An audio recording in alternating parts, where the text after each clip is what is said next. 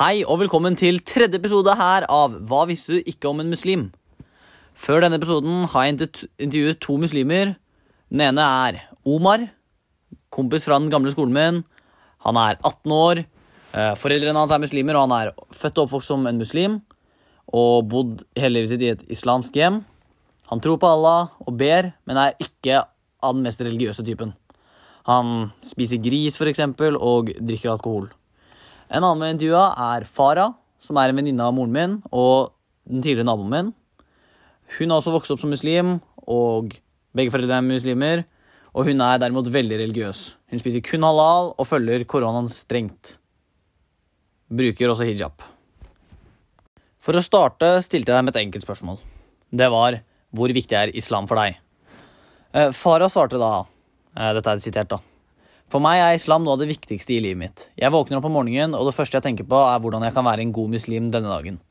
Hver dag er preget av mye bønn, regler om mat og klær, osv.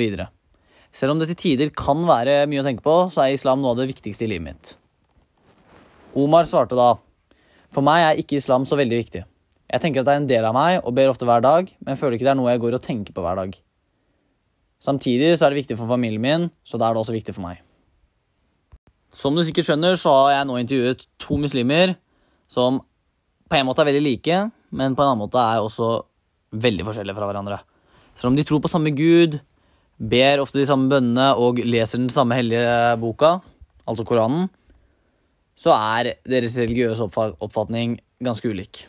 Videre spurte jeg dem tror du dette har vært med på å forme den du er i dag. Da svarte Farah ja, det tror jeg. De fleste jeg kjenner, vet at jeg er muslim, og det har blitt en del av identiteten min.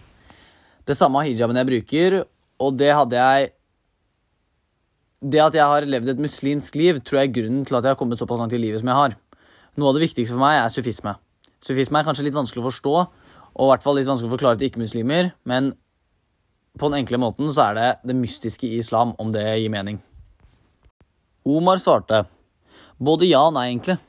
Føler at mange vet at jeg er muslim, men det er ikke akkurat det som definerer meg helt. Uten islam hadde jeg selvfølgelig ikke vært den samme.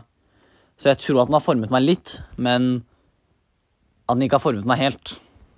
Jeg stilte dem også et spørsmål som var hvilke verdier fra religionen er viktige for deg? Og i boka vi har, så står det ikke spesielt mye om verdier innen islam, innenfor islam, nettopp fordi det er helt forskjellig fra person til person. Men generelle verdier er nettopp det som går på rettferdighet og ærlighet. Og når jeg stilte dette spørsmålet, så svarte Farah. Jeg tenker at det er viktig å ikke lyve og ikke stjele. Viktig å vise sin tro overfor Gud og bønn.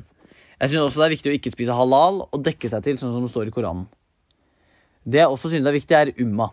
Det betyr det islamske fellesskapet og er noe jeg setter veldig pris på. Omar svarte. Det er egentlig ikke så veldig mange verdier jeg, eh, som er veldig viktige for meg. Jeg prøver å tenke at det er viktig å ikke stjele og lyve, men akkurat det med lyving er ikke alltid like lett å følge. Igjen så kan vi se det at det er enkelt å forstå at de har samme religion og tro på mange av de samme tingene, men at de også er to forskjellige personer som kanskje har blitt oppdratt på forskjellige måter og har levd, levd og oppvokst i to ulike samfunn. Og det kan vi se på mange av de forskjellene de svarer på de spørsmålene jeg stiller. da. Neste spørsmål jeg stilte dem, var hvilke lover og regler fra Koranen følger du? Er det noe du syns er litt overdrevent eller drøyt? Hvordan tolker du det som står i de hele tekstene? Eh, fra før av så vet vi at i islam er det mange regler og lover man må overholde for å være det man kan kalle en god muslim. Man skiller mellom det som er haram og halal. Haram er hva som er forbudt, og halal er det som er tillatt. Disse lovene og reglene kalles sharia, og vi skal prate litt om, mer om det senere. Men i hvert fall for å svare på det, eller for å vise hva Farah svarte på spørsmålet, så var det Jeg følger matreglene. Jeg drikker ikke alkohol, jeg bruker hijab, jeg ber fem ganger om dagen og gir penger til veldedighet. Jeg synes jo at reglene om homofili er kanskje litt overdrevent, spesielt i dag. Og selv om det kanskje ikke er helt greit å si det, så synes jeg at det kanskje er litt gammeldagse regler. Jeg prøver å tolke det som står, på, uh, står i Koranen, men prøver å være forståelsesfull overfor at det er skrevet for over 1000 år siden. På noen ting tolker jeg det bokstavelig, mens jeg prøver å være litt forsiktig samtidig. Omar svarte. Jeg følger ikke så mange regler. Jeg spiser svin, drikker alkohol og ber ikke fem ganger om dagen. Jeg syns mange av reglene er veldig overdrevne og drøye, og syns at det bør være mulig å være det jeg kaller en moderne muslim. Jeg tror på Allah og profeten og leser Koranen, men føler at man ikke trenger å følge alt det som står der. Mye er overdrevent og er veldig gammeldags. De gangene jeg leser Koranen, tolker jeg det veldig lite bokstavelig. Mye som står der om homofili og homofile og ikke-muslimer, er veldig strengt overdrevent.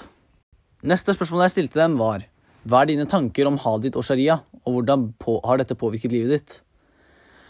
Um, først er det kanskje lurt at jeg sier litt fakta om hadith og sharia. Um, hadith er, innen islam er fortellinger, normer og tradisjoner om profeten Muhammed. Man sier ofte at hadith er fortellinger om hva, hva profeten sa, gjorde eller stille, stilltiende samtykke til. Uh, kan, jeg kan komme med et sitat fra boka, um, som er En hadith-fortelling er alltid bygd opp av to ledd. Den innleder med en beskrivelse av personene som har overlevd fortellingene fra Mohammed, og fram til den personen som samlet dem. Deretter følger selve fortellingen, med Mohammed i fokus, som belyser en bestemt side ved muslimsk tro eller moral. Sharia derimot er det man kaller islamsk lov. Sharia er det man kaller en evig lov, som skal følges for å være på den rette vei. I nyere tid er det mye diskutert om man fremdeles skal tolke sharialovene bokstavelig, eller ta i betraktning at de er skrevet i et helt annet samfunn på en helt annen tid. Sharia har derfor siden Mohammed hatt en tett tilknytning til fig, som betegner kunnskap om loven. Fig er en rettslig tradisjon hvor de lærde tolker den guddommelige loven, slik at sharia og fig til sammen danner et helhetlig system av regler og normer. På dette spørsmålet svarte Farah. Ha gir meg et godt innsyn i hva profeten sa og gjorde, og gjør det mulig for meg å på en måte føle at jeg var der med han, om det gir mening. Det er også lettere å respektere han når jeg vet hvordan han var som person. Jeg syns at sharia gjør det lettere å vite hva man skal gjøre for å være en god muslim. Dette har påvirket livet mitt på en god måte, og som sagt gjør det lettere å være en god muslim. Omar svarte, mens han lo, da. Ehm, jeg har helt ærlig ikke lest så mange hadith, og de er ikke så veldig spennende. Men på noen av helligdagene leser vi hadith, og det kan være spennende til tider. Selv om jeg ikke følger mange av sharia-lovene, så synes jeg det er viktig og bra at man kan bli inspirert av Gud og profetene til å leve et godt liv. Etter han sa dette, så lo han litt og sa eh, dette må du ikke vise til foreldrene mine.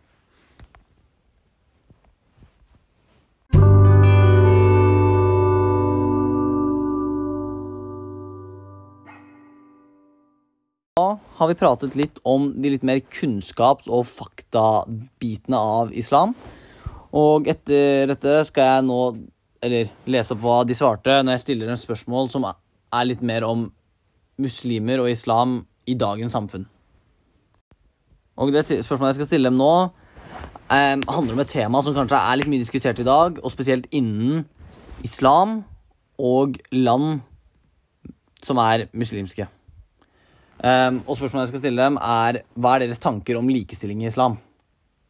Og så bare for å skyte en liten fun fact først, så ble faktisk eh, Mohammed kritisert av mange av sine tilhengere og motstandere. Nettopp fordi han var for snill mot kona si, mente de. Han lot henne si imot han, og han hjalp til på kjøkkenet og hjalp til å lage middag, vaske osv. I hvert fall. Um, jeg stilte en spørsmål der. Hva er deres tanker om likestilling i islam? Eh, Farah svarte da. Dette er noe jeg har tenkt på mange ganger, siden jeg er litt lei av ryktet islam har fått på seg om at det er en kvinneundertrykkende religion. Mange av de muslimske landene, som land i Midtøsten, har en kultur der kanskje ikke kvinner blir like godt behandlet. Men det står ingenting i Koranen om at det er greit å slå koner, og profeten mente selv at menn skulle hjelpe til på kjøkkenet og vasking. Omar svarte.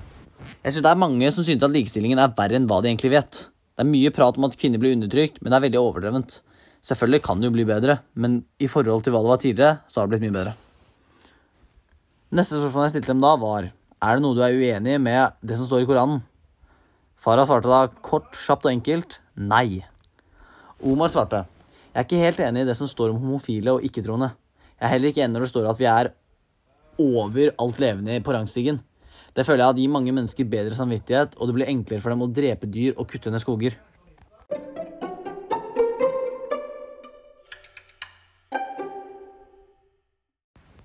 Det var alt vi hadde for i dag.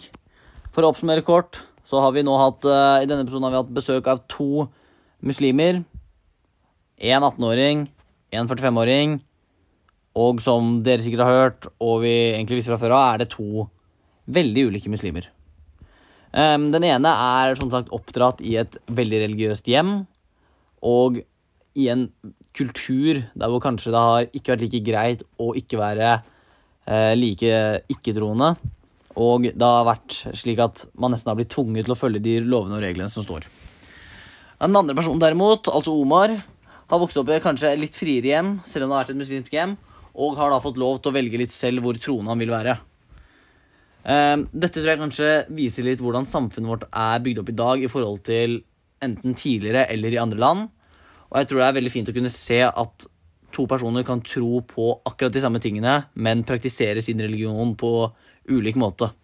Om kanskje resten av verdens befolkning hadde hørt denne podkasten, så er det mange jeg tror kanskje hadde Eller i hvert fall håper at kunne fått opp øynene og tenkt at kanskje det er greit å tro på litt andre ting enn deg selv. Og selv om man ikke tror på det du tror på, så er det ikke greit å se ned på eller tenke at det er en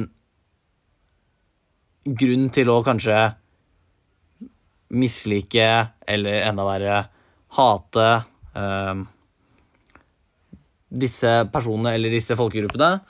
Og jeg, jeg tror ganske selvsikkert at det også ville bidra til Eller om flere folk hadde fått den tankegangen, at det ville bidra til at det hadde blitt mindre krig her i verden. Jeg tror at mange av krigene oppstår pga. religiøs uenighet. Takk for meg. Velkommen til neste episode. Den kommer ut neste torsdag. Da blir det episode fire, og da skal vi intervjue tre, ikke to, men tre ulike buddhister. Så vi snakkes.